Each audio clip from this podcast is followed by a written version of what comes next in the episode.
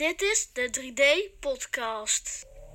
Dromen durven doen.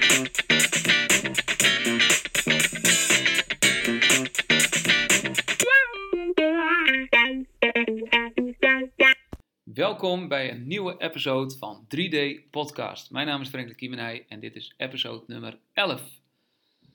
Vanmiddag zit ik eh, hier aan tafel met eh, weer iemand van de Unbreakable Academy. Vorige week ook eh, meegesproken. En eh, ik werd ook weer benaderd eh, door deze man. En die had een heel gaaf verhaal. Een profcarrière in de topsport. Dus dromen durven doen komt hier heel goed van toepassing. En ik ben super benieuwd hoe die de sport heeft ervaren. Honkbal, professioneel honkballer. Hoe die de sport heeft ervaren. Wat de tops waren, maar ook de downs natuurlijk. En ja, daar gaan we in dit gesprek lekker over hebben. Ik eh, heet jou van harte welkom, Wesley Connor. Ja, goed om hier te zijn. Welkom, leuk.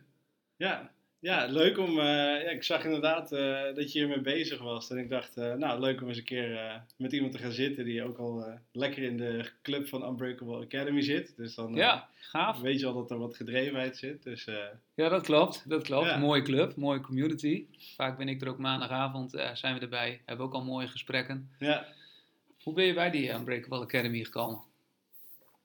Oeh, dat, is, ja, dat is misschien bijna meteen een lang verhaal. Maar nou ja, oké, begin. Nee, ja, het is. eh, ik heb, er, ik heb er altijd eigenlijk een beetje een, eh, een fascinatie gehad voor die, voor die wereld ook eh, van ehm, Special Forces, denk ik in het specifiek. En daar ben ik heel lang over na gaan denken. Want op een gegeven moment dacht ik van, nou, ik lijk wel een klein jongetje, zeg maar, die allemaal enthousiast al die boekjes zit te lezen. Waar komt het nou vandaan? En uiteindelijk eh, ehm, eh, komt het, ja, waar ik denk dat het vandaan komt, is eigenlijk een paar dingen. Eén, eh, toen ik best wel jong was, kwamen er heel veel militairen in mijn dorp wonen, waar ik ben opgegroeid, Oké. Noord-Limburg, Noord-Limburg, oké. in Venray. Ja, super, super dorpje om in, op te groeien. Op een gegeven moment, toen ik 17 was, ben ik wel doorgegaan, zeg maar, naar de grotere stad. Ja. Maar ehm, ja, dat was wel één ding, dat we altijd gewoon met z'n allen lekker soldaatjes aan het spelen waren. Dus er zat altijd een beetje dat, eh, die interesse voor, Ja. voor dat wereldje. herkenbaar. Ja, toch? Dat Ja, is denk ik zeker. voor veel mensen herkenbaar. Ehm, eh, maar wat ik op een gegeven moment ook merkte, is wat ik heel vet vond in die boeken, eh, waren gewoon de verhalen van mensen die gewoon echt zichzelf pushen en voorbij hun grenzen gaan. En niet alleen voor zichzelf, maar ook zeker voor het team. Ja. En dat was eigenlijk het moment dat ik dacht van, oh, dit... ehm, en met name nadat ik gestopt was zelf met honkballen, merkte ik dat ik dus... ehm, nou ja, obsessief wil ik niet zeggen, maar wel heel veel van dat soort boeken aan het verslinden was. En toen dacht ik van ja, dat is wel een stukje wat ik dus mis in, in het gewone eh, werkende leven.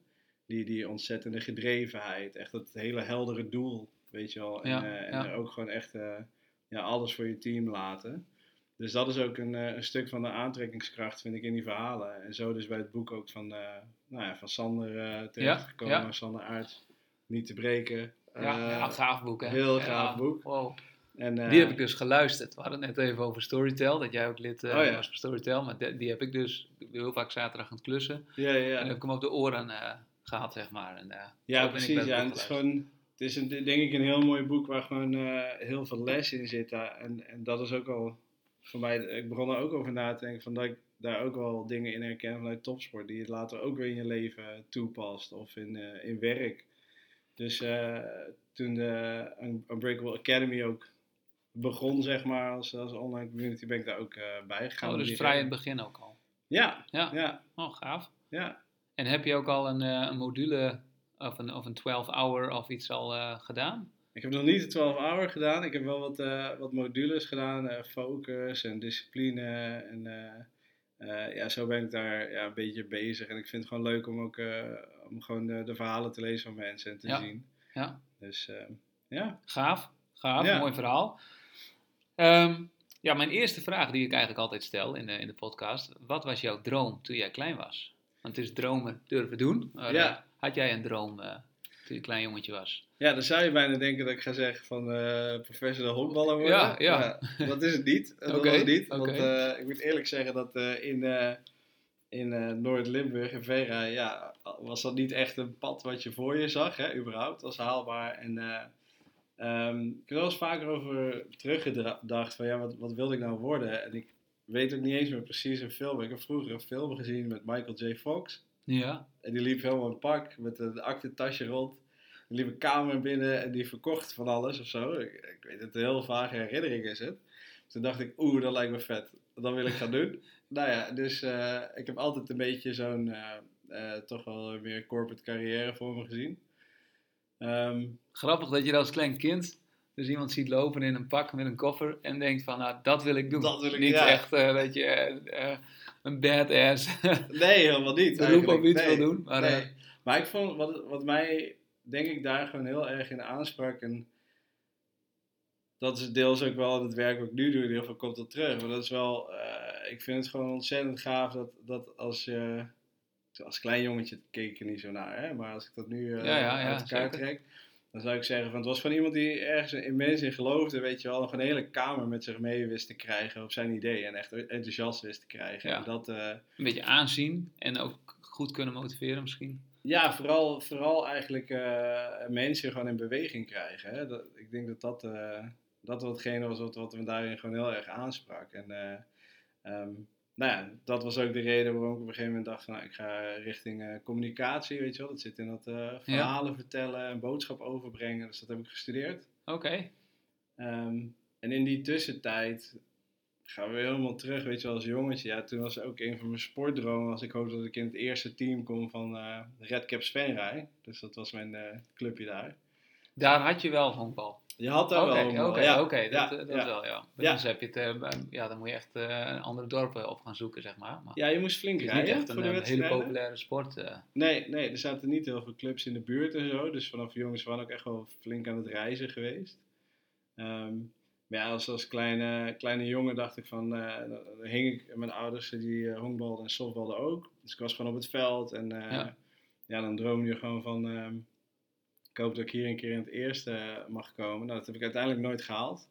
Omdat ik dus eh, al eerder wegging naar eh, andere clubs. Ja, ja oké. ja, en ik ben op mijn, even kijken, op mijn twaalfde namelijk naar Helmond gegaan. Daar zat al een club. En toen kwam Ja. ik ook in wat jeugdselectieteams en zo. Oh ja.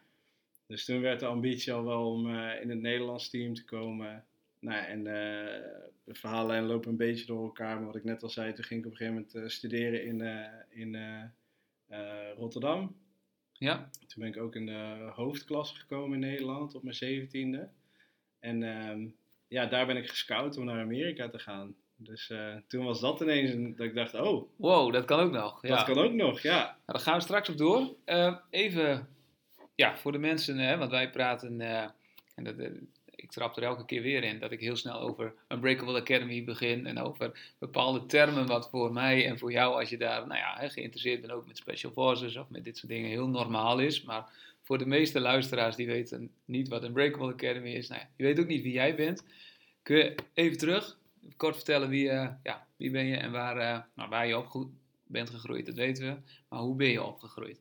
Ja, ehm, nou, ik ben inmiddels eh 36 jaar. Ik heb ook al verteld dat ik eh, ehm, ehm, opgegroeid ben in een nou, kleine plaatsje in, in Noord-Limburg, in Venray.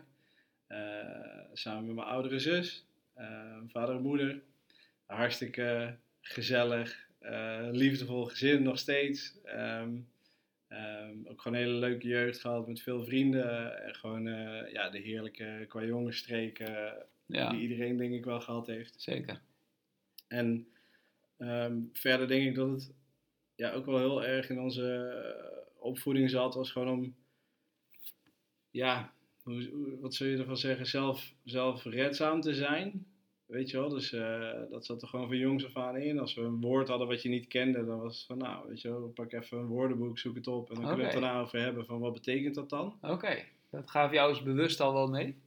Ja, ja, En komt het van je moeder of van je vader of was het allebei wel al... eh, Ja, allebei wel. Ja, allebei wel. Ik denk eh, dat mijn vader echt een, eh, het is gewoon een ontzettend harde werker.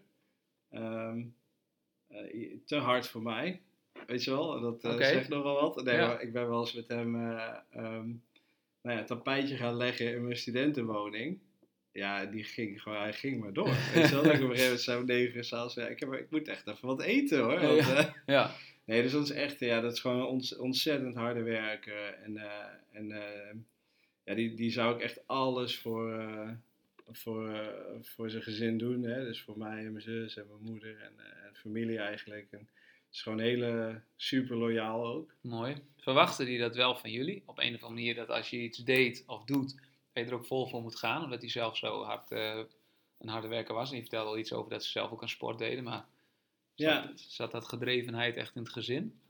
Ja, kijk, ik, ik denk, weet je, dat daar zit, eh, eh, zonder al te ver terug te gaan, maar ik denk dat daar ook een stuk eh, geschiedenis in zit, zeg maar, hè, van, van toch jezelf ook op een bepaalde manier moeten bewijzen. Als je ook als jonge Antilliaan naar, naar Nederland komt, hè, en er zijn ook wel voorvallen dat je hoort van, ja, daar, daar keken mensen ook gewoon nog anders naar. Dus Ja, er zeker. momenten waren dat ze zeiden van, ehm, nou, dat hij een baan eh, eh, kreeg, dus dat gesolliciteerd, Ja. nou, was aangenomen en dan eh, gefeliciteerd, maar we gaan wel werken, hè, weet je, dat soort opmerkingen er nog bij. Ja, Ehm, dus daar zit een, voor een deel wel, maar ik denk het voornaamste wat wij gewoon mee hebben gekregen is als je, als je ergens voor gaat, ga er dan vol voor. Dus we zijn nooit gepusht, nee, precies. maar als je een commitment aangaat, dan maak je hem wel af. Ja, dus, A eh, zegt, zegt B. Ja. ja, dus eh, ik heb eh, denk ik in mijn hele carrière van honkbal ook wel eh, duizend keer geroepen dat ik wilde stoppen. ja.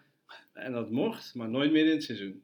Nee, precies. Je maakt af waar je aan bent begonnen. Ja. Als je dan besluit te stoppen, dan Ja. stop je. Ja. Nou, en dan is het seizoen voorbij en dan... eh, Is toch wel weer leuk. Is toch wel weer leuk, weet je wel. ja, ja, ja. En dan merk je ook wel van, ja, weet je, soms zijn dingen leuk en soms wat minder. Maar ja, je moet gewoon committen voor een tijdje. Want anders dan, eh, ja, dan blijf je, zeg maar, zigzag, eh kom je nergens uit, denk ik. Dus dat, dat, dat hebben we echt zeker wel meegekregen Oh, van, van huis uit. Ja. Goede basis. Zeker een goede En je basis. vertelde over, mijn vader en moeder deden aan honkbal. Dus je moeder ook, eh, is je Ja. moeder ook Antilliaans? Eh, mijn moeder is eh Harderwijks. Harderwijks, Ja, kijk. Dus nee, die, eh, die softbalde inderdaad. En ja, ook gewoon bij, bij Venray. En ik moet heel even terugdenken hoor. Want misschien dat mijn zus, drie jaar ouder, dat hij er iets meer van weet. Maar ik heb mijn moeder vooral zien coachen, zeg maar dan, bij een van de teams. En, en mijn vader ik nog wel zien spelen. Ja, in zijn laatste dagen. Ja, ja, Nice. eh, ja, ja.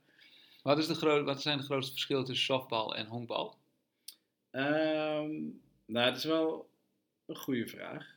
Ehm, als je het over. Want tegenwoordig is dat natuurlijk. eh, tegen, vroeger, helemaal vroeger, had Ja, je ja. eh, honkbal voor mannen en softbal voor vrouwen. Oké. Nou, dat is allemaal helemaal niet meer. Dus je hebt eh, vrouwen honkbal, je hebt mannen softbal, je hebt gemixt en je hebt van alles.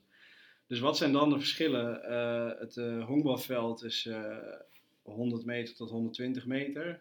Ja, Eh, en eh, een softbalveld is vaak eh 60 eh, meter, volgens mij 60, 70 meter. oké. Dus het is kleiner. Ja, Ook de afstand tussen de verschillende honken, hè, dus van, van waar je slaat, de thuisplaten naar één, dat is bij honkbal 27 meter en bij softbal is dat 21 meter. oh, ja dus, maar wel, het gaat wel om hetzelfde principe.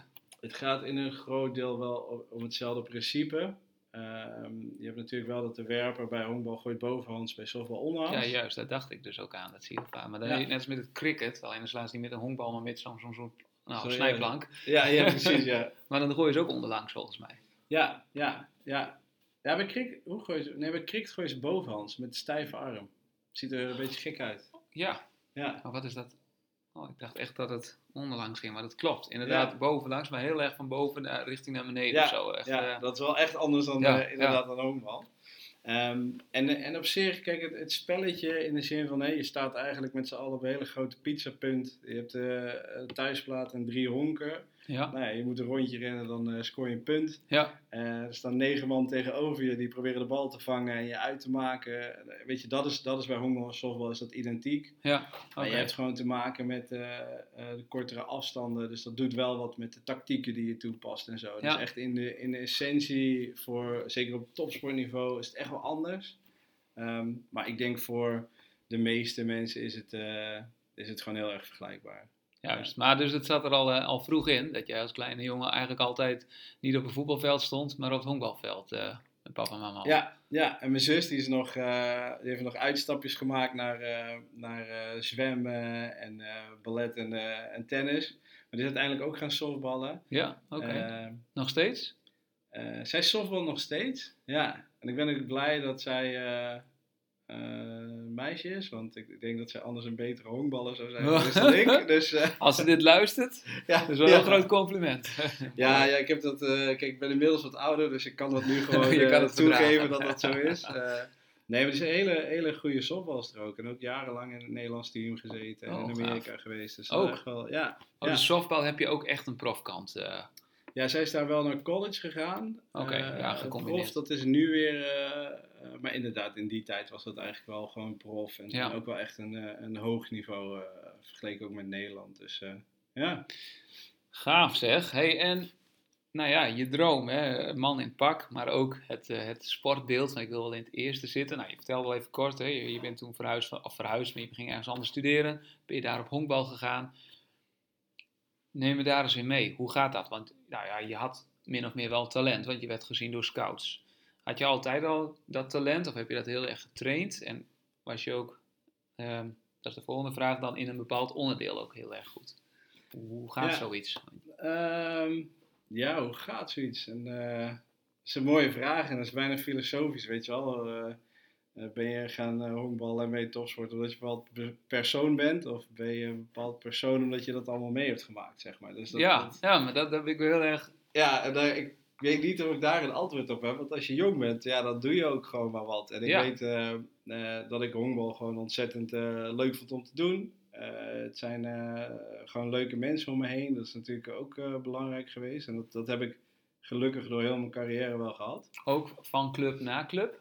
Ja, ja ik heb wel altijd echt in gewoon hele leuke teams gezeten. Dus, ehm, Want bij en- voetbal heb je wel vaak, ik heb toen bij mijn eigen zoontje ook al gezien, de rivaliteiten. Als je dan iets minder goed bent, groepsdruk en, eh, ja, ja, en op het veld, veel, eh, dat zie je vaak, hè, al, niet overal hoor, ik wil niet voetbal slecht praten, maar je ziet toch wel hè, vaak agressie. zelfs ouders langs de kant die lopen te schreeuwen, dat je denkt van, rustig. ja. Hoe was dat, hoe is die sfeer bij honkbal? Nou ja, honkbal is natuurlijk een kleinere sport in Nederland. Dus ik denk daarin dat je, dat je toch al wat, wat sneller echt gewoon eh, groepen mensen bij elkaar hebt die echt eh, voor die sport gaan. Je ziet ook wel vaak hele gezinnen aanwezig en, en die zitten allemaal wel een positiviteit eh, vaak bij. Wat ik me ook nog heel goed herinner was dat ik op een gegeven moment, nou ja, als je jong bent, ken je helemaal niks. Als ik mijn moeder moet geloven, stond ik heel vaak gewoon bloemetjes te zoeken in het veld, weet je wel, in plaats van de hoopballen. Maar op een gegeven moment eh, kon ik wel het een en ander. En toen merkte ik ook wel van best wel leuke lessen op, op jonge leeftijd van ehm, ik kon wat harder gooien. Dus ik werd dan de, de werper van het, eh, van het team in de wedstrijd. Ehm, maar de catcher moet de bal vangen. Nou, die was op dat moment gewoon eh, iets minder goed. En als ik dan heel hard ging gooien, zeg maar, dan had hij moeite om die bal te vangen. Ja, En dan merk je dus heel erg dat als die bal, als hij hem niet vangt en hij schiet door, ehm, eh, dan, dan kan je als loper gewoon rennen. Dus dan kan de tegenpartij punten gaan scoren. Dus dan merk je al dat het geen zin heeft zeg maar, om in je eentje ah, zo. heel hard ja. voorwaarts te gaan. Want ja, daar, daar ga je niet meer redden. Weet je wel. Bij honkbal heb je bijna in bijna alle acties heb je iemand anders echt nodig. Dus als ik een bal ergens heen gooi, moet die andere hem wel vangen. Ja, Ehm, en toen was het natuurlijk, eh, dat, ja, in, op, dat, eh, op die leeftijd en op dat niveau waren die verschillen gewoon heel groot. Maar ook later in, eh, in het Nederlands team of als prof in Amerika, ehm, ja, gaat het echt om het team, zeg maar. Je bent echt succesvol als je in het belang van het team denkt. En dat is wel heel mooi. Ook nou, wat je zegt als kind al, dat je rekening moet houden van hoe goed jij ook bent. Het, het is een even niveau. ja, Dus als jij goed bent in iets, dan moet je de ander die wat minder goed is eigenlijk levelen. Je moet het samen heel erg doen. ja, ja, je kan echt... eh, ja, het is ook als je over honken rent of zo, weet je, om nog een voorbeeld te geven. Er mag maar één iemand op een honk staan. Dus ook al ben jij sneller dan degene voor je, Ja, Je, je moet wachten totdat hij zeg maar een honk verder is. En Ja. ik denk dat dat wel iets heel moois is van, van de honkbalsport. En dat zal je vast in andere sporten, sporten ook hebben die ik niet ken. Maar er zijn ook sporten waar je veel meer individueel, zelfs Zeker. in een team, gewoon Ja. je ding kan doen, zeg maar. Ik weet nog van vroeger van de voetbalveldjes toen ik jong was. eh, ja, dat, eh, de jongens die gingen pingelen en zo. Weet je, wel. Daar kun je nog best wel lang redelijk succesvol mee zijn. Nou, en juist als de ander wat slechter is, dan moet jij beter je best doen. Want je moet voorstaan om te Ja. scoren en achter weer staan om te verdedigen of de bal op te halen of, of zorgen. Ja, Dus ja, daarin, eh, zeker moet je de ander meenemen. Maar het hangt er niet zo vanaf, net als wat jij zegt, dat je dus te hard speelt. En natuurlijk, je moet het goed pasen. Maar als jij te hard gooit, want je bent van die ander minimaal afhankelijk. ja, ja, en dat vind, ik wel, ja, dat vind ik wel mooi in die sport. En dat is dan ook de vraag van, eh, hoe, hoe was dat toen je jong was? Ik denk dat het dus ook wel op een bepaalde manier mensen aantrekt of zo. Hè, zeker op bepaalde niveaus, waardoor je wel merkt van ja, dat, dat iedereen eh, snapt wel dat je hier bent gewoon voor het team. Ja, ja. Ja. Mooi. hey, en ehm, op een duur word je gescout voor het Nederlands team. Was dat een grote overgang? Eigenlijk al vanaf Rotterdam, eh, de club waar je speelde, naar een Nederlands team. Kon je echt een, een, een groot eh, niveauverschil zien? Dat is wel grappig, want ik ben eerst ges, eh, gescout voor prof naar Amerika. Dus ik, Oh, direct al. ja, ik honkbalde in, bij de Oosterhout Twins, dat is bij Breda. Ja. Goed, Hoe oud was je toen? Toen was ik 17. Ja, dus toen kwam ik de hoofdklasse in. En in het tweede seizoen daar, toen, ehm, ja, toen, toen ehm, zag ik eigenlijk de hele tijd iemand in het publiek. En ik was gewoon benieuwd van, wie is dat? Wat doet hij? Ehm, toen ben ik daarheen gegaan, zei hij inderdaad dat hij, dat hij scout was. En eh, nou ja, wat ik net zei, honkbalveld is nogal groot, hè? is 100, 120 meter. En toen vroeg hij, hoe oud ben je eigenlijk? Ik zei, nou, ik ben eh 17. Ehm, eh, of misschien was ik 18 op dat moment, weet ik niet meer precies. Ja. Ehm, nee, ik was 17. En toen eh, zei hij, oh, ik dacht dat je 23 was of zo, weet je wel, op, eh, op een afstand. En nou, dat is natuurlijk interessant, want als 23 ben je, 23 ben je uitgegroeid en ben je Ja, redelijk volmaakt eh, af. ja. behalve je haar. Behalve je haar, moest nog een beetje Had je toen ook al... Toen had ik een kort, kort koppie, had Oh, ik toen kort nog. koppie, ja. Ja, die afro die kwam later Oké, pas. dat komt Ja. straks mensen. Ja, maar ehm, nee, dus dat, dat was wel leuk. En toen is hij, is hij gewoon een paar wedstrijden ook ehm, eh, komen kijken en zo. En toen heb ik op een gegeven moment echt een try-out gedaan waar je gewoon gemeten wordt op een paar eh, skills. Dus eh, hoe snel loop je, hoe hard gooi je, hoe goed kan je slaan. Ehm, ja, en dat is eigenlijk het moment dat ik een, een aanbod kreeg en dus vertrok naar Amerika. En, Hoe was dat moment? Want ik bedoel, 17, als ik dan even moet even plaatsen terug naar 17, iemand biedt aan je kan naar Amerika komen. Aan de ene kant denk je, wow, maar aan de andere kant denk je, wat eh, gebeurt hier? Want je moet je thuisfront, alles Ja, wissel je in. Eh, hoe was dat voor jou? Ja, dat was. eh, en dan ga je toch weer even terug naar, weet je wel, uit welk nest kom je dan of zo. Ja, Maar ehm, mijn, ouders, ja, mijn ouders hebben me ook altijd heel erg gestimuleerd om dingen wel gewoon te proberen en te gaan doen. Dus bij dit was het eigenlijk in mijn hoofd ook nooit zozeer een vraag of zo. Maar wel rete spannend natuurlijk. ja wat dacht je? Want ehm, Je moest ik- daar wonen ook dan. eh, Ja, ja je ging eh, in, naar een compleet onbekende wereld. Ik was Ja. nog nooit in Amerika geweest. Je gaat daar ook niet heen eh, voor de vakantie, maar gewoon om, om te presteren. Hè? Dus Ja, je ja, ook ook wel eens, wat ja. gaan laten zien. En ehm, we hadden het wel zo gedaan dat... Ja, mijn- we zijn gewoon dat hele traject ingegaan. En mijn ouders hebben echt wel goed gesprekken gehad met eh, mensen van de organisatie... Uh, maar ook met mensen ja, die in ons netwerk zaten, die we kenden, die, uh, die er hier al iets van ervaring mee hadden. Die zijn echt op zoek ja, gegaan precies, naar. ja. En in die tijd waren er niet heel veel, zeg een Nederlander of acht of zo die daar geweest waren. Maar ja, daar zijn we wel achteraan gegaan van hoe is dat? Ja, Um, er zat al één Nederlander bij deze organisatie. oh, nou, dus uh, ook fijn, ja. kwam uit Eindhoven, die kende ik ook. Dus dat was fijn. Dus dan, konden we, ja, dan weet je in ieder geval al een beetje dat er iemand is. Ja, ja.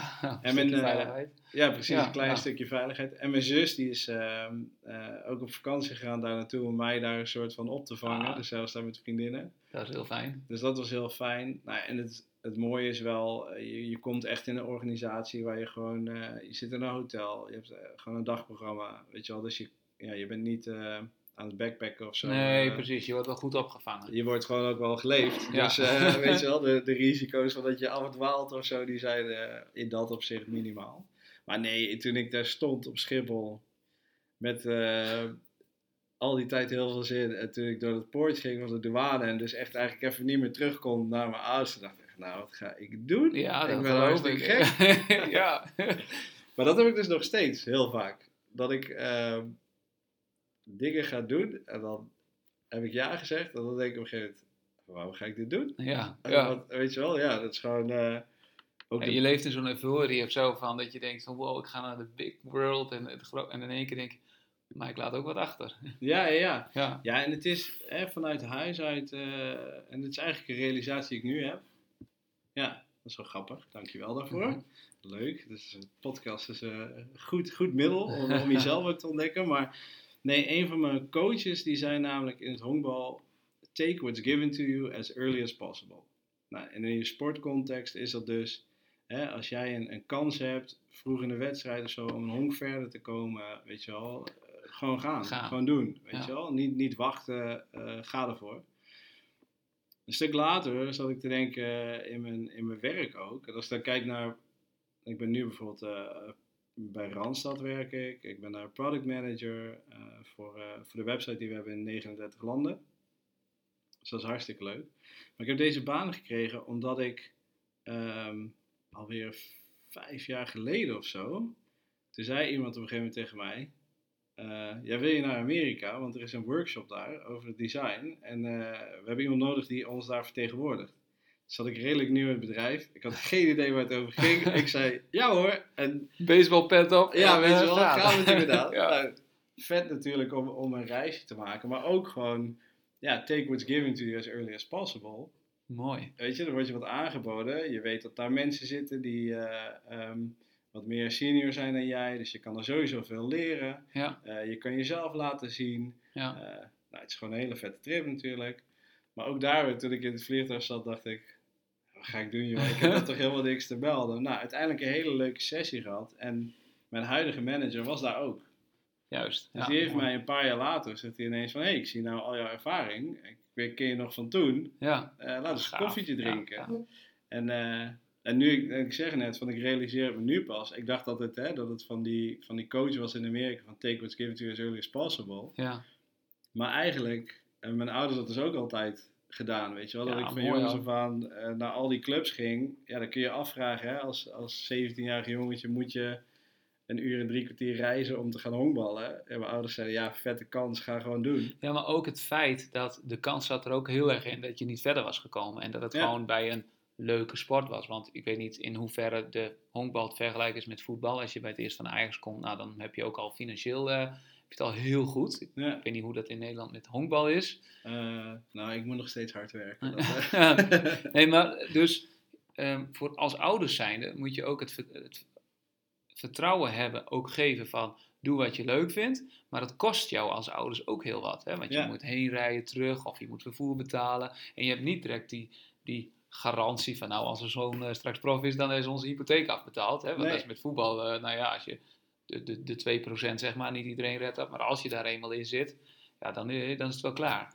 ja. Maar dan met- met- dus ik vind het wel een hele mooie boodschap van wat je zegt van je ouders die gewoon het vertrouwen in jou het beste gunnen en ook het vertrouwen in jou hebben van hey, ga ervoor wat je leuk vindt. Maar wel je vader die zegt nee, A is B. Hè? Ja, dus ja. als je gaat, dan moet je ook goed gaan. ja. Maar ja, mooi, mooie, mooie les zo.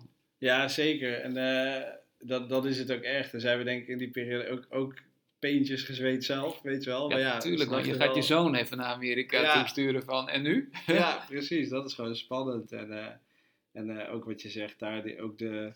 Ik heb mijn moeder ook vaak zat gebeld. Ik zei van, ook in Amerika, veel, veel druk. En ehm, eh, ja, je moet toch presteren. Ehm, dat je belt van, weet je, dit, eh, ik ga het gewoon niet meer doen. Weet je, het is niet voor mij. Dat zei, eh, ja, ja, snap ik inderdaad. Laten we morgen nog even bellen, weet je wel. Nou, dan gaat er weer een dag voorbij en dan... eh, Ja, ja. dan, dan heb je wel weer je energie gevonden of even rust gevonden. Dus eh, nee, ze zijn ook allebei echt wel van, als je er eenmaal begint, maak het gewoon af. En, Ja. Ja. Mooi, mooi ook dat je zo over je ouders, over je ouders spreekt. ja, Kun je ja. trots op zijn en je ouders op jou. zeker. Echt alles aan te danken, denk ik. Hé, hey, maar dan ga je erheen. Je komt die poort binnen, je komt daar op zo'n American eh, field. Hoe gaat dat daar? Want eh, net wat je zegt, het is niet vakantie, van lekker aan het strand en alle Californië en eh, gaat zee. Je moet aan de bak. Wist je een beetje wat je te wachten stond? Ehm, Want dit deed je, het was prof, dus je hebt geen werk daarnaast, je kreeg gewoon betaald. Ja. Maar er stond ook een, dag, een programma voor je klaar. eh. ja, 100%. Ja, het, is, eh, het, begint, het seizoen begint altijd met eh, spring training, noemen ze dat. Ehm, en dat is 23 dagen onafgebroken aan de bak. Ehm, acht uur per dag ongeveer. Dus je bent om, ja, zeker 8, 9 uur per dag. Dus je bent, nou, een uurtje pauze. Je bent om 8 uur, 9 uur op het veld. Eh, dan begin je gewoon en dat gaat door tot, tot 5. Eh, technische training, conditietraining, ehm, eh, wedstrijdjes. eh, dus dat is best wel, dat is meteen eh, volle bak erin. Zo. Ja. Ik had wel een eh, trainingsschema gekregen thuis. En ehm, nou, dat heb ik eh, gevolgd. En dat vond ik uh, zo'n leuk verhaal trouwens over. Maar ehm, ik ben erachter gekomen dat angst is een best wel goede drijfveer voor mij. Oké, Dus eh, nou, je, je tekent, dus je weet dat iemand iets in je ziet. Maar dan op een gegeven moment denk je toch van ja, maar ben ik, ben ik echt goed genoeg? ja, weet je wel? precies. Ja, dat, dat snap ik heel goed. Ja, dus toen kreeg ik eh, dat trainingsschema en ehm, ehm, nou, daar stond op een gegeven moment een, een oefening in en dan moest je 100 meter sprinten. Eh, volgens mij eh, 30 meter eh, lopen. En dan tot 120 meter sprinten en dat, dat liep op. Dat was zo'n ladder die opliep.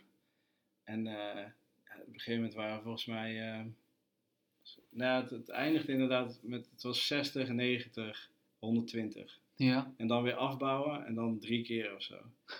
Nee, een 120 meter sprint en daarna 30 meter wandelen. En dat drie. Nee, ik dan ga je over mijn nek gaan, jongen. Ik dacht echt van ja, ik weet je, als dit het niveau is, Ja, hartstikke bang en pushen, weet je wel. En eh, nou, echt ook echt tot, tot spurens toe. En op een gegeven moment ging dat beter en maar blijven trainen. En toen kwam ik in Amerika.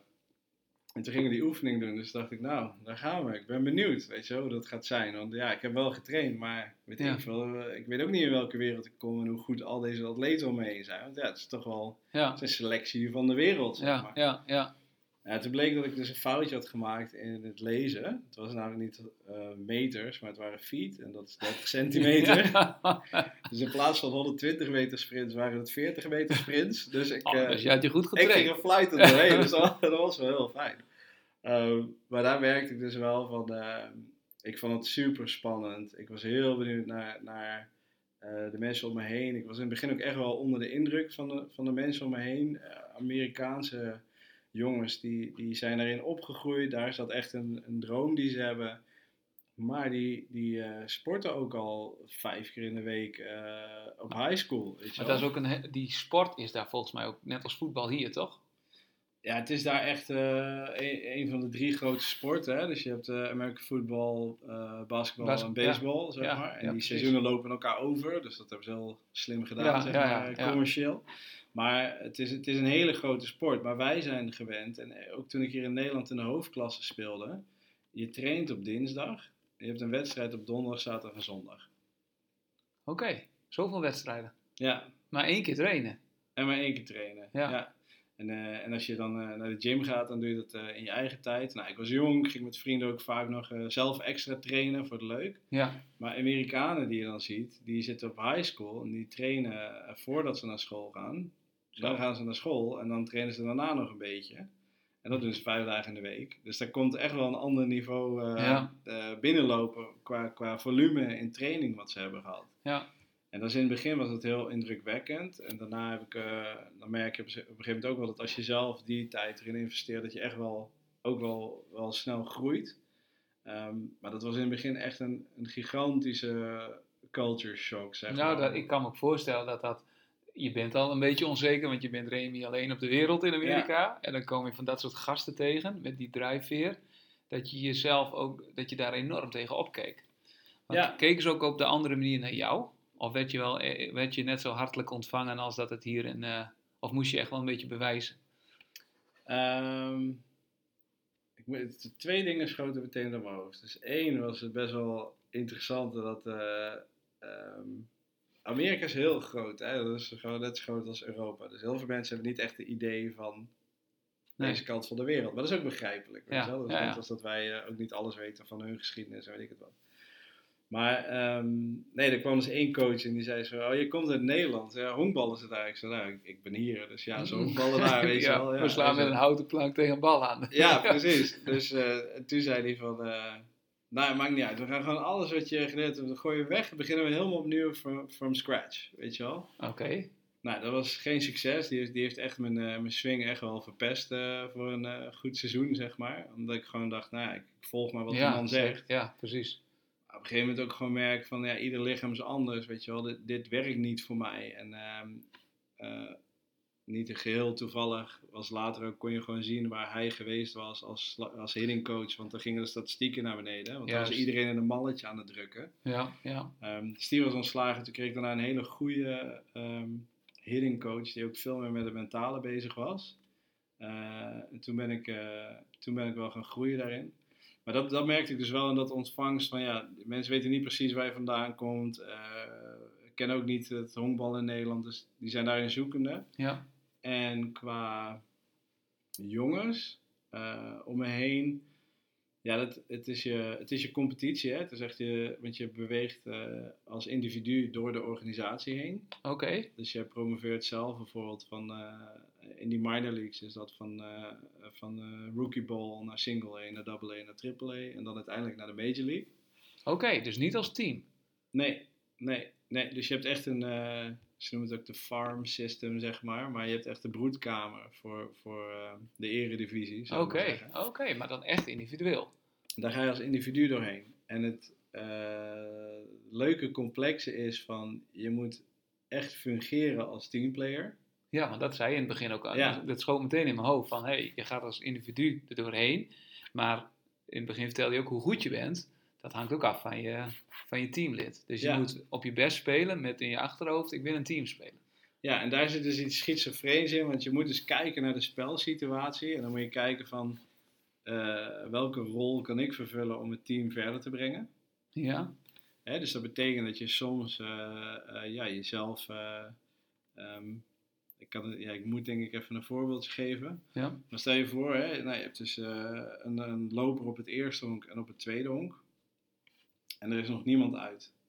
Nou, dan kan je eh, gaan slaan. Maar als de bal bijvoorbeeld eh, eh, ja, over de grond gaat, dan kun je een dubbelspel maken. Dat betekent dat je dus in één actie kun je twee mensen uitmaken. ja, Wat je ook kan doen is die bal eh, stoten. Dus dan hou je je knuppel zeg maar recht voor je uit en dan vang je de bal op. En Ja. dan heb je een heel klein rollertje. Als je die goed doet, dan kun je nooit twee mensen uitmaken. Dus als je die goed neerlegt, dan verplaats je die, die honklopers. Die gaan Ja. van 1 en 2 gaan ze naar 2 en 3. ja, Maar jij zelf gaat uit. Die kans is heel groot dat je zelf uitgaat. ja, Die is 80% zeg maar. ja, Maar je hebt daarmee wel je lopers van 1 en 2 naar 2 en 3 veilig gebracht. Ja, En dat is dus een stuk dichter bij de thuisplaat. Dus Ja. als er dan een honkslag komt, scoor je twee punten. Nou, sorry voor het hele technische stuk. nee, nee, nee, geen probleem. Maar dat, op zo'n moment offer je jezelf letterlijk op. Het heet ook een opofferingsstootslag. ehm, eh, eh, voor een team, weet je wel? Ja. Voor de win. Nou, dat is dus hoe je moet kijken naar hoe kan ik een bijdrage leveren in dit team op dat moment. Als je dat op dat moment niet doet, dan, dan zullen coaches jou, dat, dat wordt je heel zwaar aangerekend. Want dan ben je daar echt als individu. Ja. En niet om het team te helpen winnen. Nee, Maar tegelijkertijd daar, en dat is anders dan in een Nederlands team of, of hier in de hoofdklasse, maar daar ben je ook een individu in het team en doe je dat om zelf hè, dan dat team te ontstijgen eigenlijk ja. En, en door te stromen. En je eh, buddies naast je, zeg maar, waar je echt eh, ja, 24-7 mee zit, want die, zit- je zit samen in een hotel, je bent alleen maar aan het trainen, ja. eh, zijn ook je grootste concurrenten. Ja, eigenlijk wel dus. Want Ja. dus elk team blijft ook niet, hoe het team ook promoveert of degradeert, is niet nooit hetzelfde team. Nee, Want je hebt bepaalde spelers die gaan dus altijd Ja. verder. Oké, ja, je hebt clubjes, als je een beetje gelijk optrekt, beweeg je wat samen door een organisatie. Maar er is heel veel wisseling van de, van de samenstelling. Ja, ja, Ehm, ehm, ehm, en ja, dat betekent dus ook als je traint en je hebt allemaal posities. En ik was een buitenvelder, dus je traint heel veel met de buitenvelders. Dus mijn beste vrienden waren buitenvelders. Maar als mijn beste vrienden speelden, dan zat ik op de bank. Of als ik speelde, dan zaten zij op de bank. Ja. Weet je wel? Want we hadden dezelfde positie. ja, Dus dat is een hele, en dat, dat was ook wel, was ook wel heel lastig eh, daar, omdat je dus toch nooit die, die hele diepe connecties hebt of zo. Ehm, ehm, en dan was er ook nog het feitje met Amerikanen, die hebben gewoon een hele macho cultuur. In Ja? het begin, ja, ik dacht in het begin dat iedereen ruzie met me aan het zoeken was, weet je wel. Dat, Ja. eh, maar- dat zijn de, ja, de manier waarop ze grapjes maken. Het is een beetje Stifler uit American Pie, weet je wel. Ja, ja, eh, ja, ja, ja. elkaar alleen maar belachelijk maken, een Ja. liedje doen, weet ik het wat. Eh, ehm, en in het begin dacht ik van, wat is er aan de hand? Weet je Ja, wel? doe eens Dat, even eh, normaal, normaal. Ja, ja. Totdat een van die jongens me een keer aan de, aan de kant zei, waarom heb je, weet je wel, wa- wat is, wat is je probleem eigenlijk? Ik zeg, wat is mijn probleem? Iedereen eh, die, die, die, eh, die zit er mij te pikken. Zei hij, nee helemaal niet, maar je reageert altijd zo heftig. En ik dacht, oh wacht eens even. Het is een hele Mooi, spiegel. andere- ja, een hele andere cultuur, weet je wel. Zij vinden mij dus heel extreem. Terwijl ik denk van, laat me met rust. ja. Nou, toen ik dat eenmaal door had, toen, toen werd dat wel, wel gewoon heel leuk hoor. Dus op een gegeven moment vind je ook wel je weg in, Ja. in die omgeving. ja. Ja. Mooi, mooi verhaal ook, ook om te zien wat het cultuurverschil is. En waar ik heel erg naar op zoek ben, hè, want, of eh, waar ik heel nieuwsgierig naar ben. Je was goed en eh, nou, je had er zin in, eh, best wel een heftige training, maar op een duur een beetje, een beetje waar je goed in bent. Want is het ook zo dat je of een hele goede pitcher bent, of een catcher, of een goede slagman, of, of moet je alles kunnen? Ja, je hebt wel echt eh, specialisaties. En ik denk dat je daarin eh, een groot onderscheid maakt van mensen die, die heel goed kunnen gooien, die worden vaak pitcher. En pitchers slaan over het algemeen niet. Oké, Dus die zijn echt gefocust in die wedstrijd op het pitchen. Eh, dat, ja, dan moet je ook, dat is ook echt wel een flinke taak, zeg maar. En als jij slaat en je moet bijvoorbeeld nog over die honken rennen en dan valt de laatste nul en daarna moet je meteen gaan gooien. Ja, dat, dat is gewoon niet wenselijk, zeg Nee, maar. dat nee, wil nee. je niet. nee, dat je daar nee Dat is ook dus die rolverdeling daar in het, eh, in het team. Ja, dus je hebt pitchers, dat is wel echt een, eh, zeg maar een aparte groep. En dan heb je positiespelers en alle posities die je hebt in het veld, eh, da- daar zitten wel wat specifieke eigenschappen aan. Nou, ik was zelf een buitenvelder. Ehm, toen ik jong was, begon ik in het, in het binnenveld. Dus dat sta je echt tussen de honken, zeg maar. Ja, Was ik vaak eh, korte stop of tweede honk. En daarin zie je dat de eh, korte stop een beetje een betere arm heeft dan de tweede honkman. Want de korte stop staat tussen 2 en 3. ja, En eh, de tweede honk tussen 1 en 2, dus die staat wat dichter bij het eerste honk. ja. Ehm, maar op een gegeven moment werd ik eh, eh, wat, wat groter, wat breder, wat langzamer. Dus Ja. toen had ik niet meer dat snelle voetenwerk wat je nodig hebt in dat binnenveld. ja. Dus, eh, maar ik was wel heel snel. Eh, alleen ik moest even op gang komen, zeg maar. Ja. Eh, toen ben ik naar buitenveld gegaan. En Ah. eh, ja, daar zijn het meer de hoge ballen, weet je wel. Dus dan heb je iets langere afstand die je rent. Maar sloeg je ook, alsnog? Ja, want in de honkbal is het zo dat je eh, een inning, dat is dus eh, eh, een beurt in het veld en een beurt aan slag. Oh ja, ja, En daar eh, aan slag roleer je door. ja, En bij drie nullen, zeg maar, dus als je drie uitjes maakt, wat we allemaal wel kennen van slagbal, denk ik, Ja, ja, dan, eh, ja. dan wissel je gewoon om. ja. Dus je speelt negen innings. Eh, en dat is dus eh, ja, negen keer eh, slaan en negen keer. eh, Gaaf. ja. Hey, hoe ging je om met tegenslagen? Want je hebt natuurlijk een coach. Nou ja, die jongens die ze willen presteren. Het is de cultuur. Het ging niet allemaal even, even lekker, denk ik altijd. Zeker niet. En ehm, ehm, ik heb daar. Ja, ik ben laatst had ik pas een keer een inzicht dat ik dacht van, oh, dat, dat, dat had me toen heel erg geholpen. Maar nee, honkbal is een sport en zeker eh, in Amerika, je speelt 140 wedstrijden in eh, zes eh, maanden. Dus dat betekent dat je bijna, ja, je speelt eigenlijk iedere dag en we hadden volgens mij in de maand een keer een dag vrij als je, en dan wat reisdagen of zo. Dus je speelt echt wel zes, zes dagen in de week zeker. Dus wat betekent dat? Dat als je een slechte wedstrijd hebt, dan eh zeggen dat we s'avonds om 7 uur een wedstrijd hebben, om 11 uur is je klaar. Ja, En dan. eh, we worden even afgeleid. Dus niet erg. Ja. Hoort bij de podcast. We zitten bij mij op kantoor en het licht gaat uit. Dus ik loop even naar de sensor. kijk, heel goed. Hij is weer aan. Ja, Het licht is er weer. Ja, we zijn beide een beetje donker, dan zien we elkaar Ja, helemaal niet meer. ja, precies. Nee, dus eh, waar was ik gebleven ook weer voordat het licht uitging? Ja, voordat het licht uitging. Je vertelde dat jij, ehm want ik vroeg, hoe ging je om met tegenslagen? En dat je vertelde dat jullie zoveel aan het reizen waren, zoveel keer per maand moesten spelen. En eh, je had ook wel eens een slechte wedstrijd. Precies, en daar waren we gebleven. Dat Yes. klopt. Nee, dus dan eh, had je een slechte wedstrijd en dan speelden we om 7 uur. Een wedstrijd is om 11 uur eh, klaar, zeg maar. En, dan ga je naar huis, ga je dus slapen. En dan om eh 1 uur de dag erop sta je gewoon weer op het veld. Dus je wordt ook meteen weer geconfronteerd met je prestatie van de dag ervoor. Nou, en in het Werd begin, dat gereviewd dan? eh, ja, wat ik het mooie vind aan topsport is dat je hele directe feedback hebt. Dus als jij het niet goed doet, dan zie je dat meteen in, eh, in, eh, in hoe jij bijvoorbeeld als je aan slag staat. Ja, als je swing niet goed is, raak je de bal niet goed. Dus je weet meteen of het goed ging of niet goed ging, zeg maar. Ja. En ehm, eh, in het begin ging ik dan eigenlijk de dag erop dan ja, wat harder werken. Hè, dus dan probeerde ik, dacht van nou, kom even aanpakken die handen. Ja.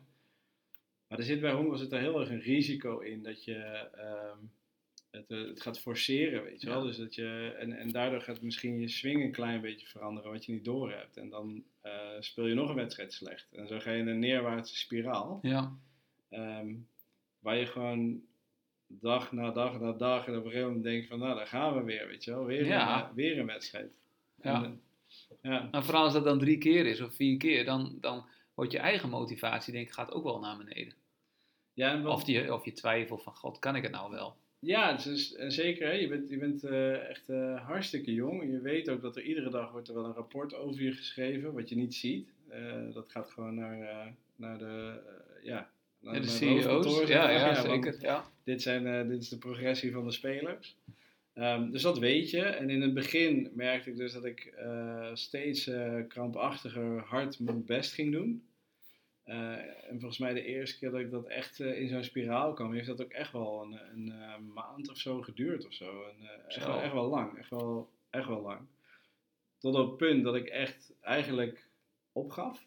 Dat ik dacht van, ja, ik, ik weet het niet meer. Ik kan Maar nog- je dat dan naar een coach of naar eh, je medespelers of naar je, je moeder? Of hoe, hoe, deed je Ja, dat? ik heb je eh, gevraagd aan coaches van kunnen we, kunnen we morgenochtend iets eerder zijn? Dan kunnen we even wat extra doen, weet je wel. Ehm, Ja. eh, ik was dan ook wel, we filmden ook, dus dan kon je video kijken. Ik was ook wel, eh, ik uitte in wedstrijden ook wel eens een frustratie of zo, weet je wel, naar teamgenoten.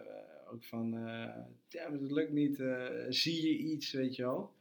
Tot ik op het punt was van, ja, ik weet het gewoon niet meer. Weet Nee. je wel, ja, ik, ik weet gewoon niet meer wat ik nu nog kan doen om het beter te gaan doen. En vanaf dat moment ging het weer hartstikke goed. En wat is dat dan? Ja, als je dat krampachtig probeert, probeert te forceren, zeg maar. eh, en, wat, en in de sport is dat dus. ehm, in, in, in honkbal specifiek, en zeker met slaan. Je staat, ehm, je staat op 18 meter afstand, staat de werper. Nou, die gooit een bal met eh, zeg 95 eh, mijl per uur. Mijl. Mijl per uur, Ja, dus dat is een 130, 100, eh, ja, 100 kilometer per Zo. uur. Dus dat is hard. Die komen op jou. Ja. Dus je hebt echt 0, zoveel seconden zeg maar, om te reageren. En ehm, eh, wat je in, je hebt eigenlijk geen tijd, hè, je hebt niet de tijd om dat ehm, cognitief echt te verwerken. Dus je moet eh, heel hard trainen en daarna is het een soort reflex eigenlijk. Ja, je conditioneert je lichaam als een Ja. reflex, net als met eh martial arts, Ja, blokken en eh, ja, ja. ja. En dan, en dan kan je dus eigenlijk sneller dan je kan processen. ja. Ehm, maar dat betekent dus dat als je dus te geforceerd gaat, dan ga je dus denken. Zeg Juist, maar. dan ben En je altijd langzamer. En dan ben je langzamer. Of eh, je anticipeert van, eh, op een, of je bent zo bezig met je lichaam dat je niet kijkt naar de bal echt goed. Weet je wel? Dus dan swing je op een bal die je helemaal niet kan raken, omdat die te hoog is of te laag. Dus je merkt door het forceren dat je eigenlijk eh, ehm, eh, met je gedachten in de weg gaat zitten van, van wat je eigenlijk allemaal kan. Ja. Dus je moet heel hard trainen. Ehm, maar in een wedstrijd moet je dat echt loslaten. En ik merkte toen, en toen was ik wat, wat jonger, hè, toen, toen ik zeg maar, ja, zeg maar opgaf. Ik bedoel, ik ging niet naar huis, ik zei Nee, niet, nee. ik ben er klaar mee. Maar ik dacht, ja, ik weet het gewoon niet meer. Eh, ik zie het wel. Ehm, toen ging het weer goed. En dat heb ik best wel lang eh, volgehouden als soort van, van coping op een gegeven moment van, eh, ah fuck it, weet je wel. We zien het wel. Ja. En ja, helemaal niet zo lang geleden, en ik ben de naam vergeten van wat het specifiek was, maar toen las ik ergens dat het, dat, dat, dat het stukje effortless eh, flow is, weet je wel. Ja. Dus dat je, dat je op zoek moet gaan, niet, het is niet, het maakt me niks meer uit. Dat is niet de juiste attitude. Dus als ik dat toen geweten had, had ik denk ik eh, nog wat meer leuke dingen kunnen doen. Maar het, was, eh, het is veel meer dat je dus op zoek gaat naar, naar ook een stukje accepteren van wat er in een moment gebeurt, weet je wel. Dus niet de druk op je leggen van, van moeten presteren. Ehm, eh, eh, niet keihard anticiperen op, op, op spelsituaties, of, maar gewoon ook, ja, je hebt de kennis, je hebt geoefend, je hebt getraind. En in dat vertrouwen op jezelf, dus gewoon- wat je zegt. Ja, ja, Go with the flow, be like water, hè, zegt, ja eh, be like water. dat zegt Bruce Lee. Hè? Ja, precies. ja. Ja, Mooi. Dus eigenlijk, wat je zegt, als je tegenslag had, ehm, ja, je maakte je er wel druk om omdat je wilde verbeteren, maar vervolgens dacht je ook, had je ook alweer het vertrouwen van, en morgen weer een nieuwe dag. ja dat. eh, nou, om dat zo te zeggen dat ik dat toen al had, dat. eh, Neem me eh, na het besef van, ja, reflecterend erop is dat, zijn dat wel de dingen geweest die we eruit hebben gehaald. Dus in, in dat moment is dat natuurlijk heel moeilijk. Ehm, maar zeker ook toen ik wat, wat verder in mijn carrière, honkbalcarrière was, in, eh, eh, in Nederland ook. Ja, toen had ik op een gegeven moment ook wel mantra's gewoon, weet je wel, van dat je gewoon een wedstrijd op ziet bouwen en ook finale wedstrijden en spannende wedstrijden. En dat je gewoon aanziet komen van, oh, ik kom dadelijk in een, in een, ja, in een cruciale positie in de wedstrijd, kom Ja. ik aan slag. ja, Weet je, wel, dat, dat, je voelt dat gewoon aankomen. En ehm, vroeger in mijn carrière zou ik ook heel veel druk ervaren, weet je wel, om, om op dat moment ook te presteren. En ik merkte gewoon dat ik later in mijn carrière ook gewoon tegen mezelf zei, als mantra, van ja, jij hoeft niet degene te zijn die het altijd doet. En mooi. door die ruimte zeg maar, te gunnen of zo, eh, deed ik het juist steeds vaker, weet je wel, omdat je gewoon een stuk druk eraf haalt. Ja, Eh, en dus wat meer ehm, eh, de, ja, de situatie gewoon over je heen laat komen. het is wel een mooie les eigenlijk. Ik zit zo gewoon even te bedenken van, als je nou moet spreken of op podium of dit soort dingen ook. eh, Ja, ik vond het in het begin ook best wel spannend. Ja, Ehm, want je wil een goede podcast maken, je wil de juiste vragen stellen of straks valt het stil of zo. Maar hoe meer je daarmee bezig bent, hoe, hoe krampachtig je bent. En je denkt ook van nou, weet je, we hebben een mooi gesprek en al lukt het niet, dan heb ik wel een heel mooi gesprek met jou gehad. ja, Voor ja, mijn idee of zo. Ja, Maar Maar hoe, heb je een tip mensen? Kijk, jij weet, je gaat naar een wedstrijd. Je weet, er is publiek. Je weet, je wil winnen, want het is de finale. Daar sta je, dat moment. Wat doe je dan? Behalve, want je, ja, je kan nog zo goed zeggen loslaten, maar het lijkt me toch... Er gaat volgens mij van alles door je heen. Of wen je daaraan? ja, je bent daar heel erg aan. Je bent, ehm, ehm, ik, weet nog, ik ben nog best wel jong of zo, dat je op dat soort momenten, en dat zal een stressreactie zijn of zo, maar dat, dat eigenlijk mijn, eh, voor, voor mijn gevoel, mijn, mijn visie wat, eh, wat smaller werd. Ja, ja, ja. Zo dat- ja, dat- dat een soort waziger tunnelvisie. Ja, een soort, soort achtige tunnelvisie, maar al. En dit, dit had ik al vrij jong. Dat ik dacht van. Dat het voelde bijna alsof ik er dan helemaal klaar voor was. Weet je, dat ik dan in de zone was. En ik merk dat nu nog steeds met. ehm, ehm, nou, ik, heb, eh, ik, ik werk nu al een tijdje gewoon bij Randstad. En ehm, ook daar heb ik een best wel snel een heel leuke carrière kunnen maken.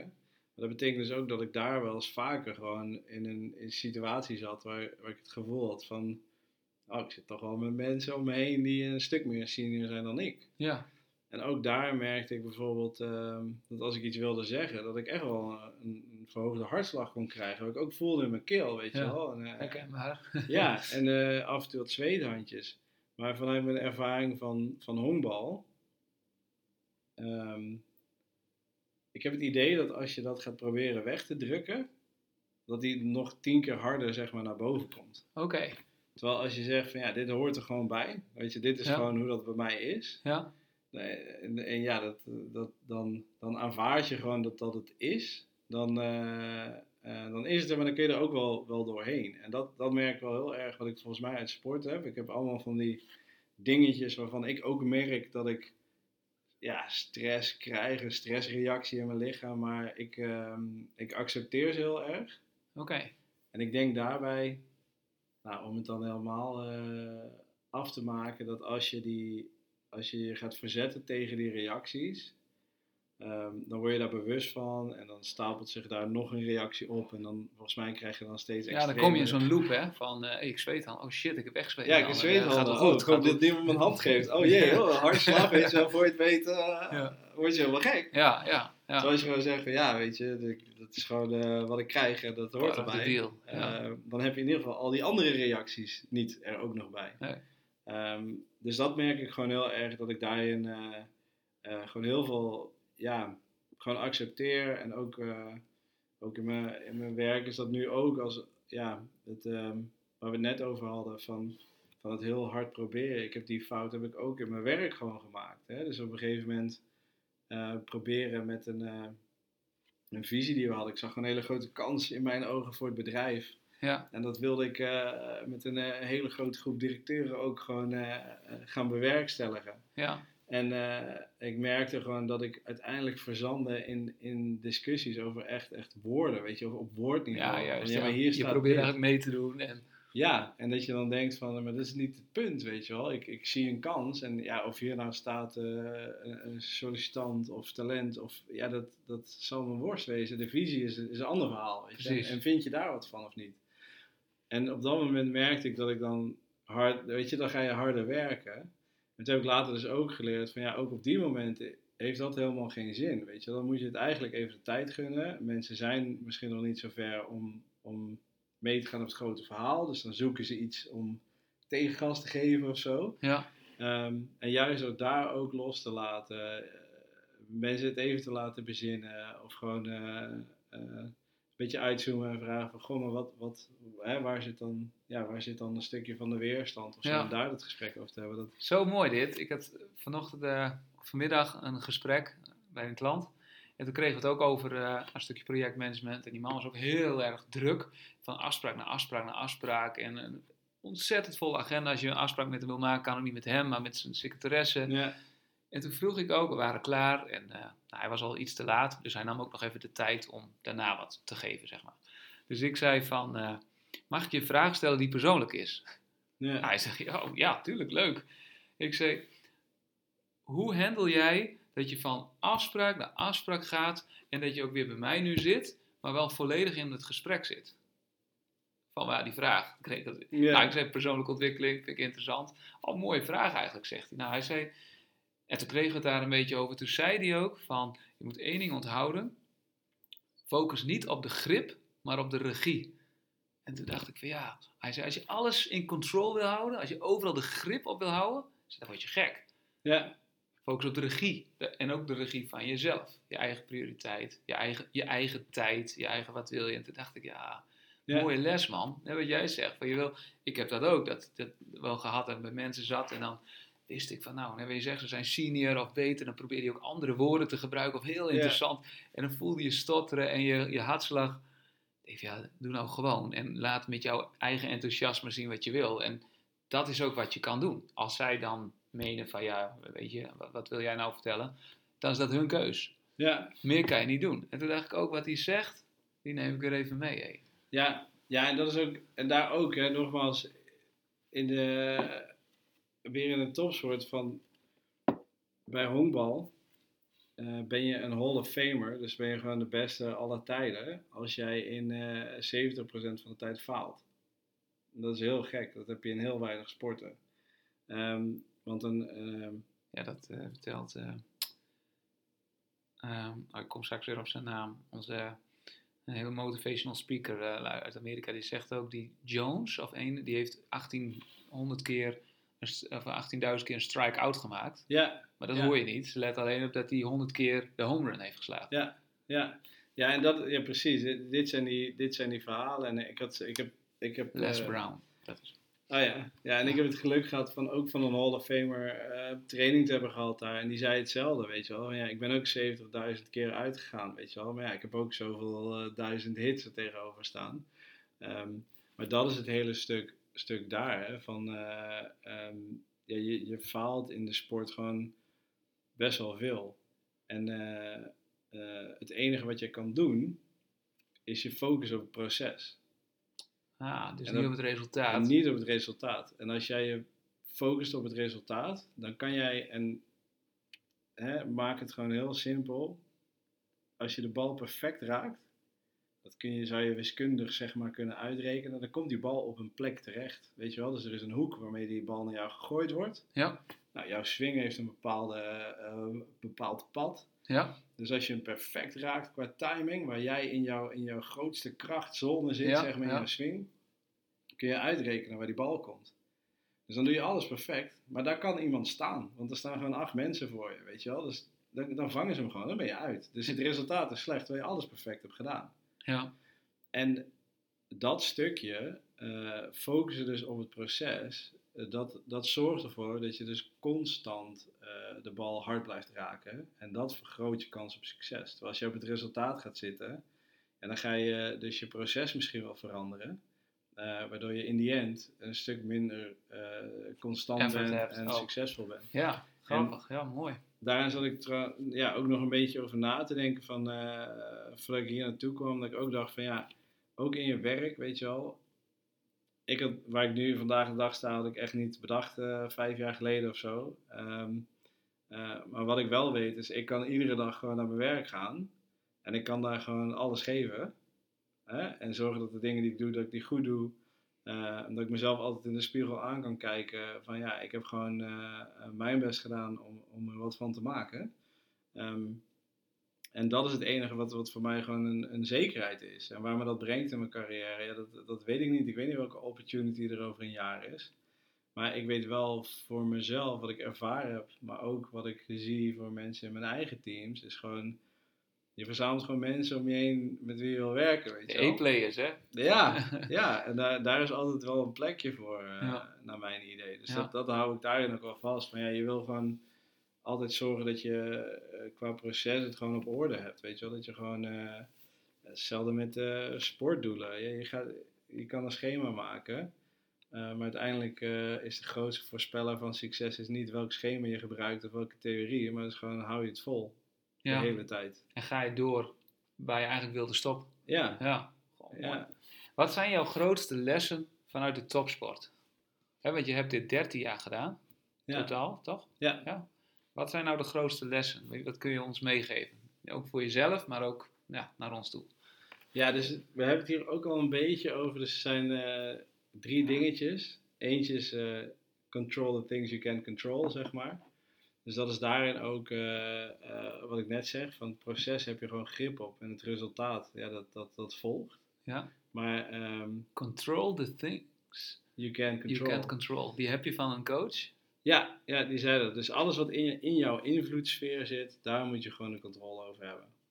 Alles daarbuiten, eh, daar kun- het heeft geen zin om je daar druk over te maken, want je hebt er geen controle over. En wanneer een coach dat tegen mij zei, was: eh, je hebt een, een, eh, een slagbal of een wijdbal hè, bij honkbal. Dus Ja. er is een bepaald eh, gebiedje waar je doorheen moet gooien als werper. Als je daar doorheen gaat, is het slag. En als je daar buiten is, is het wijd. Ja. En ehm, ehm, nou, ik kreeg een keer drie slag. En als je drie slag hebt, dan ben je uit. Dus dan mag je gaan zitten. Maar die laatste bal, die was, dat was een wijdbal. Die was uit die zone. Maar de scheidsrechter, die, ja, die gaf hem slag. Wat je veel ziet, is dat mensen helemaal boos worden, gefrustreerd en eh, weet ik het wat. Ja, Eh, ja. En ik was dat dus op dat moment ook. En toen zei, toen kwamen coaches naar me toe. Die zei, eh, wat is aan de hand? Ik zei, ja, het slaat helemaal nergens op. Die bal is naast de plaat. ik ben naar uit. Hij zei, was het een wijdbal? Ik zei, ja. Hij zei, nou, oké, dat heb je toch goed gedaan? Oh, ja. Ja, oh. ja, je moet nou niet op wijdballen gaan slaan omdat hij een slechte call maakt. Want dat is deze scheidsrechter. Maar bij de volgende wedstrijd heb je er last van als je op wijdballen gaat slaan. Dus dan moet je niet aanleren. Dus control the things you can control. Je doet het goed, weet je wel. Dus eh, dat was één ding eh, die, die ik meeneem. De tweede is eh, reflectie. Dat is gewoon ontzettend belangrijk. Dus dat zit in, in sport natuurlijk veel. Maar honkbal is ook echt een sport met, met heel veel ja, ehm, momenten voor reflectie. Dus als jij geslagen hebt en je bent over de honken geweest, ja, dan zit je daarna weer even op de bank in de dugout. Dus kun je gewoon reflecteren. Oké. Voetbal gaat natuurlijk de hele tijd door Ja, ja, eigenlijk. hè, zeker. Maar, Ja, maar ja. honkbal zit natuurlijk heel veel rustmomenten in. Dus dan kun je gewoon reflecteren. Oké, wat heb ik net gedaan? Wat was het effect daarvan? Ja. Nou, en, eh, en hoe ga ik dat de volgende keer doen? Ja. Ehm, Ehm, en dat merk ik wel van hoe vaak gaan we niet ook in ons werk gewoon maar door en door en door. En dan hebben we een mislukt project, maar ja, het volgende project is alweer Staat alweer opgeleid. klaar, En ja. eh, we gaan maar door en we, Ja. en we reflecteren nooit. En dat vind ik ook leuk om weer een, terug te lopen naar de Special Forces. Ja, je hoort daar ook altijd dat de reflectie gewoon een heel groot onderdeel is. van Ja, wat zij doen debriefing, hè? debriefing en dan ook gewoon eerlijk zijn en eh, Ja. recht voor zijn raap. Ik vind dat heel belangrijk en, en dat is echt wel iets wat ik vaak in de corporates mis. En waarvan ik zeg van nou, breng dat er vooral in. Weet Ja. je, ga gewoon kijken van hé, hey, hebben we ons doel bereikt? En als het antwoord nee is, waarom niet? Ja. Dat kunnen we anders doen. En als het antwoord ja is, waarom wel? En kunnen we dat herhalen? Zeg Ja, vijf keer waarom, hè? Kun je een toepassing. Ja, ja. En, eh, en als laatste misschien, en dat vind ik op zich wel een leuke. ehm, ik ben eh één keer ook eh homeroom-king geworden in, in Nederland. Dus dat betekent dat je de meeste homeruns hebt geslagen in de hoofdklasse. Ehm, en de, Let op mensen nadat hij 10.000 keer uit heeft geslagen. ja, ja, ja, precies. Ik heb ook heel veel drie slag gehad. Maar, Ja, maar je was de home run king. Ja, Ja, oké. precies. Maar nee, wat daarin heel belangrijk is, is je kan niet op alle ballen die op je afkomen, kan je een home run slaan. Hè, dus als een bal eh, gewoon eh, te laag is of zo, of eh, ja, en op een randje van de slagzone, dan is het gewoon heel moeilijk. Wat ik net zei, hè, het is gewoon hoekenwerk. Dus je Ja. komt binnen op een hoek, nou, dan, dan is het heel moeilijk om op sommige ballen een home run te slaan. En er zijn andere ballen waarop het een stuk makkelijker is. Dus dat betekent, ehm, in dat seizoen wist ik, ja, dan- heb je soms heb je gewoon echt zo'n topjaar. En ik wist, ik wist gewoon welke bal dat voor mij was. En ik kon er echt naar uitzoeken, zeg maar. En, en als hij kwam, dan, ja, dan was ik in dat jaar gewoon ook heel vaak succesvol daarop. Ja, En dat is er ook eentje, als ik eh, toch ook vergelijk met het werkende leven. ja. Ja, hoeveel dingen komen er op je af op een dag? Weet je, hoeveel ballen, zeg maar, Ja. komen er op je af? En hoe vaak zie je mensen proberen om al die ballen hoog te houden? Waarvan ik zeg van ja, laat er eens een paar lopen. Kies die ballen uit waarop je een homer kan slaan. En eh, die- peuk ja. dat ding eruit, weet je wel. Ja, Nice. Wow, wow, die is mooi. jawel toch? Dankjewel. Ja, zeker. Ja, echt. Wow, deze, ja, die komt wel even binnen. Dat is wel gaaf inderdaad. Hoeveel komt er op je af als ik dat bedenk? Qua informatie ook. Hè. Ik heb het er met de kids wel over, maar ik ontdek mezelf ook natuurlijk. Hè. Dat als ik dit- iets post, toch even kijken hoeveel likes. Hè. Zit het Ja. proces weer achter, dat het, dat het stukje melatonine, hè. je krijgt een gelukstofje van wow, hey, ik word geliked. Maar aan de andere kant, wat je zegt, nou, dat doet me wel denken van, kijk eens hoeveel je er op je afkomt en weet op een uur ook waar je goed in bent. En pak die. Ja, Dus weersta de afleiding. Hè, ze noemen het eh, met special ook hyperfocus. Hè, Ja. Weet waar je goed bent en ga voor dat doel. Ja. En gaan. ja. Ja, Ja, dat is wel echt. eh, ja, je kan, ik, ik denk dat je niet goed kan zijn in alles, weet je wel. Dus gewoon goed een selectie maken van, eh, van waar je voor gaat. Ja, dat, dat geeft je gewoon eh, dat je alle energie die je hebt, verdeel je niet over tien dingen, maar gewoon over drie ja, of over één. En dan, ja. dan Ja, dat zegt Richard Branson ook. Hè? Choose eh, 25 things you like. En strepen 20 af. ja, En ga naar die ja, vijf precies. focussen. En uiteindelijk hou je drie over en daar ga je helemaal op focussen. Ja, Gewoon de Ja. kracht van nee zeggen. Wordt uiteindelijk eh, de beste ja.